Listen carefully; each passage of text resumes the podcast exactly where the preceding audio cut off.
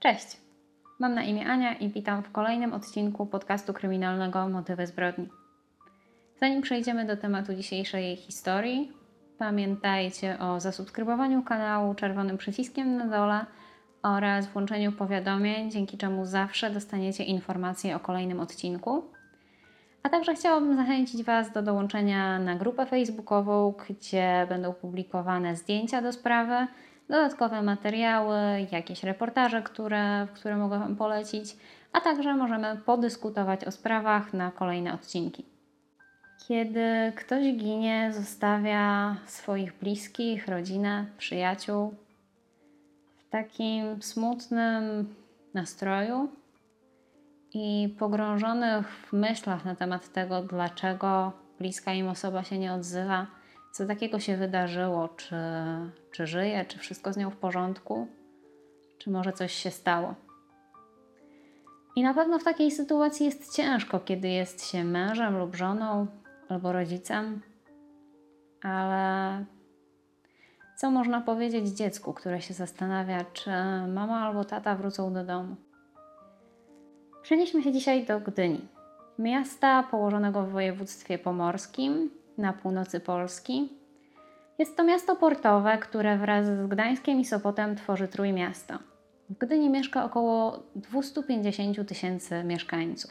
To właśnie tam, na jednym z gdyńskich osiedli, w bloku wielopiętrowym, mieszka rodzina państwa Klochniowskich. 33-letnia Małgorzata wraz z mężem Jackiem oraz 7-letnią córką. Ale powiedzieć, że mieszkają tam we troje, to jakby powiedzieć trochę za dużo. Ponieważ Jacek Klochniowski z racji, na, z racji tego, jaką wykonuje pracę, w domu raczej bywa.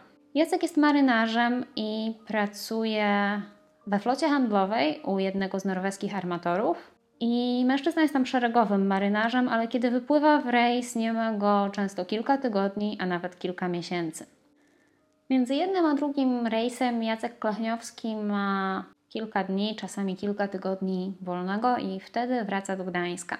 Jak twierdzą jego znajomi, rodzina i, i, osoby, które znają Jacka, mówią, że był on raczej spokojnym, przemiłym człowiekiem, ale przede wszystkim domatorem. Czas, który spędzał w Gdańsku między kolejnymi rejsami, najczęściej spędzał w domu z rodziną, bardzo niechętnie opuszczał swoje mieszkanie i czas ten taki był bardzo sielankowy. Warto również wspomnieć, że Jacek jako taki wymarzony model rodziny zawsze mówi o klasycznym modelu, gdzie to mężczyzna zarabia na rodzinę, a kobieta zajmuje się domem. I tak też sytuacja wyglądała w rodzinie państwa Klechniowskich, ponieważ Małgorzata nie pracowała zawodowo. 33-latka zajmowała się na co dzień domem, opiekowała się ich siedmioletnią córką, a także studiowała w Sopocie w trybie zaocznym. Studiowała psychologię społeczną. Małgorzata była drobną kobietą, miała 1,60 m wzrostu, miała ciemne, krótkie włosy, takie do, do ramion, a także taki charakterystyczny pieprzyk na policzku. W kontekście rodziny państwa Klechniowskich warto także wspomnieć e, o ich finansach, a mianowicie o tym, że Jacek i Małgorzata mieli dwa osobne konta. I sprawa tutaj wyglądała tak, że Małgorzata miała dostęp do konta swojego oraz konta Jacka, natomiast jej mąż nie miał dostępu do swojego własnego konta, do konta swojej żony, przepraszam. Na co dzień, jeśli chodzi o finanse rodziny, zajmowała się tym Małgorzata, wychodziło jej to bardzo dobrze. Kobieta zawsze miała rozplanowany budżet, tak aby wystarczyło na każdy miesiąc życia, a także zawsze miała jakieś tam oszczędności na wszelki wypadek, na przykład w momencie, kiedy Jacek straciłby pracę albo musiałby poszukać nowej. Znajomi i rodzina twierdzą, że Małgorzata była bardzo rodzinna, spokojna, miała takie ułożone życie. Była też bardzo dobrą matką i miała świetny kontakt ze swoją córką.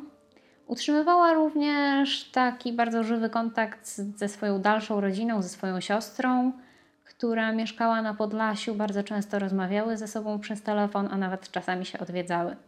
Jednak kobieta bardzo mocno ubolewa nad tym, że jako rodzina, ona, Jacek i ich córka spędzają bardzo mało czasu razem i, i tak naprawdę brakuje im tego takiego prawdziwego rodzinnego życia.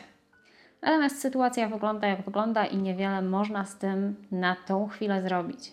Jednak 30 sierpnia 2005 roku kończy się jeden z kolejnych, kolejnych rejsów Jacka i po trzech miesiącach rozłąki mężczyzna wraca do Gdańska, do swojej rodziny, wraca do domu i życie rodziny zmienia swój tryb na ten taki bardziej sielankowy, jest radośnie, jest wesoło, wszyscy się cieszą, że są znowu razem. Kolejnego dnia rozpoczyna się też rok szkolny i od, od dnia, kiedy tak naprawdę ich córka idzie do szkoły, oboje rano zawsze ją odwożą, po zajęciach zawsze oboje ją odbierają. A pozostały czas spędzają w swoim towarzystwie, cieszą się tym, że, że są razem, że są w domu. Rodzina jest naprawdę bardzo szczęśliwa w tym czasie. Jeszcze 8 września 2005 roku sytuacja w domu państwa Klechniowskich jest taka bardzo sielankowa. O godzinie 11.40 Małgorzata rozmawia przez telefon ze swoją koleżanką bądź siostrą, tutaj źródła mówią różnie. Opowiada o swoich planach na najbliższy weekend, opowiada o tym, że właśnie pakuje walizki, ponieważ całą rodziną wybierają się na Podlasie, żeby odwiedzić jej siostrę. I kobieta wydaje się bardzo szczęśliwa z tego powodu. Mówi o tym, że zostaną tam cały weekend od 9, od 9 września. O godzinie 14 tego samego dnia Małgorzata wychodzi z domu ubrana w koszulkę na ramionczkach, w krótką spódnicę i w japonki. Bierze ze sobą tylko telefon, nie bierze torebki, nie bierze kluczy, wszystkie rzeczy zostawia. Jedyna rzecz, z którą wychodzi z domu, to telefon. Wydaje się, że wychodzi na chwilę, nie wiem, do sąsiadki albo, albo na podwórko. Nie wiemy tak naprawdę jeszcze po co, ale Małgorzata nigdy nie wraca. I jej telefon też już nigdy się nie włącza. Później Jacek, mąż Małgorzaty, przyzna, że tego dnia doszło między nimi do sprzeczki, a mianowicie chodziło o to, że tym razem Jacek miał zostać trochę dłużej w domu. Miał zostać kilka tygodni i obiecał to Małgorzacie, ale właśnie tego dnia, 8 września, przyszedł do kobiety i powiedział jej, że jednak nastąpiła zmiana planów i już w niedzielę 11 września musi być w Amsterdamie, skąd popłynie w kolejny rejs. Jacek tłumaczył kobiecie, że jest to dla niego wielka szansa, ponieważ tym razem może popłynąć w zastępstwie za Bosmana na tym konkretnym rejsie i jest to dla niego awans w pracy. Ta praca daje utrzymanie tak naprawdę całej rodzinie, więc powinien tam pojechać i spędzał ten czas po prostu kiedy indziej sobie to jakoś odbiją. Natomiast e, no, kobieta była bardzo rozgoryczona, bardzo rozczarowana. Mówiła, że absolutnie nie przypominają typowej rodziny, że żyją tak naprawdę w ciągłej rozłące, że go ciągle nie ma w domu. Jego córka praktycznie nie pamięta, jak on wygląda. I ta sprzeczka trochę się powiększyła, powiedzmy. A według tego, co mówił Jacek, mąż Małgorzaty, kobieta wykrzyczała mu, aby tego dnia sam odebrał dziecko ze szkoły, a ona wychodzi do sąsiadki. Wzięła telefon i wyszła. To rzeczywiście w pewnym stopniu może tłumaczyć, dlaczego Małgorzata wyszła zabierając tylko telefon i, i będąc w takim powiedzmy bardziej domowym stroju. Co się dzieje dalej? Jacek odbiera ich córkę ze szkoły, przywozi ją do domu, dziewczynka idzie się bawić na podwórko, po czym Jacek gdzieś jedzie. Tłumaczył, że szukał żony. Kiedy wieczorem wrócił do domu Małgorzaty, ciągle tam nie było i w tym momencie mężczyzna postanowił zadzwonić do siostry Małgorzaty, do której mieli pojechać dwa dni później. I powiedział kobiecie, że jej siostra nie wróciła do domu, że wyszła do znajomej koleżanki, sąsiadki i ciągle jej nie ma. Kobieta poleciła Jackowi, aby ten zawiadomił policję, ponieważ no, to nie jest podobne do Małgorzaty, a także powiedziała mu, żeby próbował się do niej dodzwonić, ona też będzie. I, I tak to wyglądało. Mężczyzna oczywiście się zgodził, oboje próbowali się do Małgorzaty dodzwonić, jednak telefon nie odpowiadał.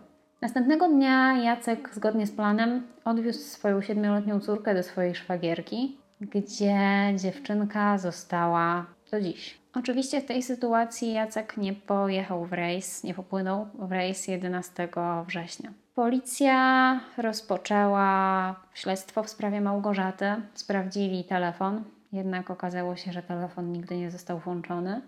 Sprawdzili również e, konto w banku, te do, to do którego tylko ona miała dostęp. Okazało się, że Małgorzata nie korzystała nigdy ze środków zgromadzonych na tym koncie, więc nie korzystała z pieniędzy. I policja uznała, że jest to jedno z tych takich bardziej dziwnych zaginięć, kiedy jest to zupełnie niepodobne do, do osoby, aby tak po prostu opuścić swoją rodzinę. Tłumaczyli, że osoby takie jak Małgorzata z ułożonym życiem rodzinnym, które mają jakiś tam powiedzmy porządek, są rodzinne, nie mają problemów z rodziną i to, to życie układa się tak w miarę, w miarę fajnie, raczej nie odchodzą od rodziny, nie zabierając ze sobą zupełnie niczego, choćby, nie wiem, rzeczy, nie żegnając się z nikim. I, I, było to bardzo dziwne. Jednak bardzo często w przypadkach tego typu zaginięć podejrzenia spadają na małżonka bądź małżonka osoby zaginionej. I tak też było w tym przypadku. Policja zaczęła podejrzewać, że Jacek miał, mógł mieć coś wspólnego z zaginięciem Małgorzaty i aby jakoś wykluczyć bądź, bądź potwierdzić tę hipotezę, doszło do przeszukania mieszkania oraz samochodu Jacka i Małgorzaty i przeszukanie to miało miejsce 14 września. Trwało kilka dni, natomiast okazało się, że nic w mieszkaniu ani w samochodzie nie znaleziono, żadnych śladów, które mogłyby świadczyć o tym, że Małgorzacie coś się stało w jednym z tych dwóch miejsc. A także warto wspomnieć o tym, że po przesłuchaniu Jacek w trakcie, kiedy jeszcze policja przeprowadzała jakieś działania w ich mieszkaniu i samochodzie, wyjechał w kolejny rejs. E, klucze do mieszkania oraz samochodu zostawił swojemu sąsiadowi, aby policja mogła kontynuować swoje działania. Oczywiście, zanim Jacek opuścił terytorium Polski i wyruszył w ten kolejny rejs, został dokładnie przesłuchany przez policję. Opisał dzień, kiedy Małgorzata zaginęła, przebieg tej kłótni, do której między nimi doszło. Opisał wydarzenia, kiedy odbierał swoją córkę ze szkoły. Opowiadał o tym, że dziewczynkę przyprowadziła jego sąsiadka z, z budynku szkoły, kiedy on czekał w samochodzie. Że rozmawiał z tą sąsiadką, że ta zwróciła mu niewielki dług, jakieś drobne pieniądze, które od niego rano pożyczyła. Dość szczegółowo opisywał ten dzień, jednak absolutnie nie znaleziono tutaj niczego żadnego tropu, od którego można by wyjść i, i rozpocząć śledztwo. Policja w Gdyni rozważała też jeszcze jedną teorię, a mianowicie była to hipoteza, która mówiła o tym, że Małgorzata mogła zostać porwana. W okolicy bloku, w którym e, mieszkali państwo kleśniowscy, był taki niewielki lasek i przyszło policji do głowy, że kobieta przechodząc tamtędy mogła zostać przez kogoś uprowadzona. Natomiast po podejściu takim trochę poważniejszym do tej teorii i, i, zbadaniu jej okazało się, że absolutnie nie ma żadnych poszlak, żadnych dowodów na to, że tak faktycznie mogło być. Rodzina Małgorzaty, czyli tak naprawdę głównie jej siostra, ma troszeczkę inną teorię odnośnie tego, co wydarzyło się z jej siostrą. Kobieta włożyła bardzo dużo siły w to, aby odnaleźć jakikolwiek ślad, że, że Małgorzata żyje, ale potem, po, po wielu latach, po miesiącach, kiedy to nie przyniosło zupełnie nic. Kobieta twierdzi, że Małgorzata prawdopodobnie została pozbawiona życia przez osobę z jej otoczenia. Jednak policja badała ten trop, nie ma na to dowodów i, i nawet nie można dalej pociągnąć śledztwa w tym kierunku, ponieważ nic, zupełnie nic o tym nie świadczy. Siostra Małgorzaty również brała udział w wielu programach, które w jakiś sposób pomagają nagłośnić historię o zaginionej osobie typu 997, czy ktokolwiek widział, ktokolwiek wie. Natomiast mąż Małgorzaty Jacek odmawiał udziału w tych poszukiwaniach. A również na jednym z forów internetowych znalazłam informację, że mężczyzna nie był mocno zaangażowany w poszukiwania swojej żony oraz 12 lat po jej zaginięciu wystąpił do sądu z prośbą o uznanie Małgorzaty za zmarłą. Córka Jacka i Małgorzaty od momentu, kiedy została odwieziona do swojej cioci na Podlasie, mieszka tam prawdopodobnie do dziś, nigdy nie wróciła do Gdyni. A dziewczynka, Klaudia, ciągle ma nadzieję, że jej mama kiedyś wróci. Nikt z bliskich, a najbardziej chyba siostra, nie wierzy w to, że Małgorzata mogłaby tak po prostu zostawić wszystko, zostawić córkę, którą tak bardzo kochała i, i zacząć gdzieś nowe życie, nie zabierając ze sobą zupełnie niczego. Kobieta miała plany, była w trakcie studiów, chciała po studiach otworzyć gabinet psychologiczny. Miała plany, nie, nie chciała zostawić tak tego wszystkiego. Również siostra pani Małgorzaty twierdzi, że w związku Jacka i Małgorzaty nigdy nie zauważyła niczego podejrzanego, niczego, co mogło świadczyć o tym, że coś się nie układa, że są między nimi jakieś kłopoty. I wydawało jej się, że siostra jest szczęśliwa, dlatego też absolutnie nie podejrzewa jej o to, że ta uciekła. Sprawę badało również Archiwum X, jednak im także nie udało się znaleźć żadnych dowodów na to, że kobieta żyje bądź nie i że coś mogło jej się stać lub że uciekła sama. Po Małgorzacie do dzisiaj, od 2005 roku, nie ma ani śladu. To już koniec tej historii. Jeśli słyszeliście coś więcej na ten temat, to podzielcie się w komentarzu informacjami i dajcie znać, jaka jest Wasza teoria na temat zaginięcia Małgorzaty. Mam nadzieję, że historia Wam się podobała. Jeżeli tak, to pamiętajcie o zostawieniu łapki w górę, dzięki czemu film dotrze do większej liczby osób. I dbajcie o siebie i o swoich bliskich i bądźcie bezpieczni. Cześć!